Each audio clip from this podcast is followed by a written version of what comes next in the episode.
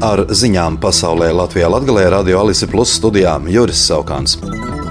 Šodien publicēts Krievijas finanšu ministrijas dokuments liecina, ka Krievija nākamajā gadā gatavojas palielināt aizsardzības izdevumus par gandrīz 70%.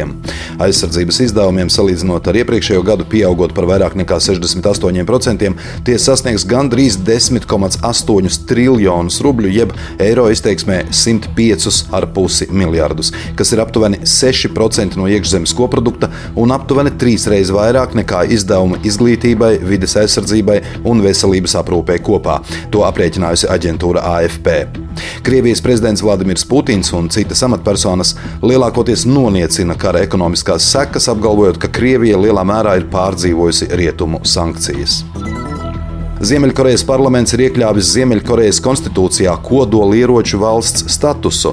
Valsts tautas sapulces sanāksmē Ziemeļkorejas līderis Kims Čenuns paziņoja, ka Korejas Tautas Demokrātiskās Republikas kodolspēku veidošanas politika ir padarīta pastāvīga kā valsts pamatlikums, kuru nevienam nav ļauts noniecināt. Ziemeļkoreja šogad ir veikusi rekordlielu ieroču izmēģinājumu skaitu, un tās attiecības ar Dienvidkoreju un Amerikas Savienotajām valstīm ir ļoti saspīlētas, jo pastāv bažas, ka Phenjana varētu veikt pirmo kodolu izmēģinājumu kopš 2017. gada. Iepriekš, kopš 2006. gada, tā ir veikusi pavisam sešus kodolu izmēģinājumus. Pēc Azerbaidžānas 19. septembra zibens ofensīvas no Kalnu Karabahas Armēnijā nu jau ieradušies aptuveni 65,000 bēgļu, jeb vairāk nekā puse Kalnu Karabahas iedzīvotāju. Armēnijas premjerministrs Nikols Pašiņāns apsūdz Azerbaidžānu par etniskās tīrīšanas kampaņu un sacīja, ka drīz Kalnu Karabahus būs pametuši visi armēņi. Lai gan Azerbaidžāna solījusi Kalnu Karabahā respektēt etnisko armēņu tiesības, daudz reģionu iedzīvotāji bēg, baidoties no represijām un ņemot vērā Azerbaidžānu jaunāk gadu desmitiem teju oficiālās ideoloģijas līmenī pastāvošo naidu pret armēņiem un Armēniju. Sējama šodien galīgajā lasījumā pieņēma grozījumus Vidzemes, Latgales, Kurzemes un Zemgales ģerboņu likumā, apstiprinot arī sēlijas ģerboni, sarkanā laukā pretēji pagrieztu ejošu sudraba staldbriedi. Sēmas komisijā deputāti izteica atzinību par sēlijas ģerboņa vizuālo izskatu, kā arī tā sasaisti ar vēsturisko zemju Kurzemes Zemgales hercogistes vēsturi. Kultūras ministrijai uzticēts divu nedēļu laikā apkopot likumus, kuros būtu jāveic attiecīgi grozījumi.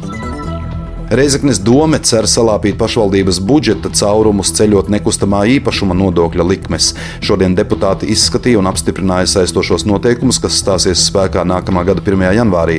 Rezultātā pašvaldības ieņēmumiem no nekustamā īpašuma nodokļa būtu jāpalielinās par 320 tūkstošiem eiro gadā.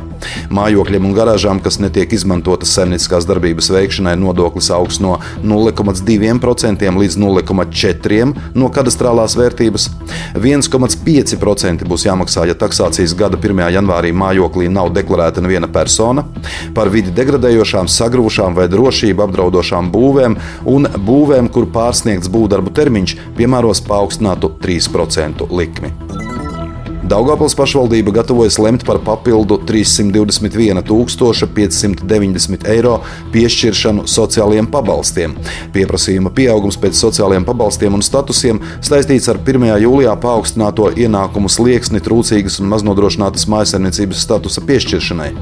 Palielinājies arī garantētā minimālā ienākuma pabalsta apmērs. Līdz 30. jūnijam tas bija 109 eiro pirmajai vai vienīgajai personai mājsaimniecībā un 76 eiro katrai nākamajai, bet no 1. jūlija attiecīgi 125 un 87,5.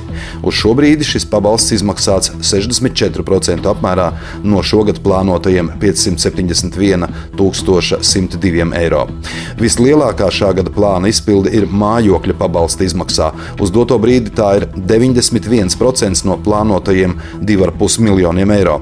Tas saistīts ar komunālo maksājumu summu pieaugumu un GMI koeficientu izmaiņām mājokļa pabalsta aprēķinā. Tāpat par 35 tūkstošiem eiro pieauguši arī domas izdevumi sociālajām garantijām un pabalstiem bāriņiem.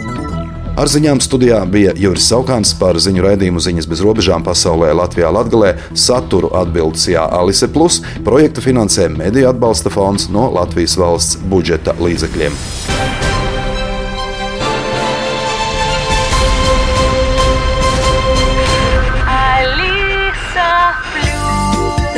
Radio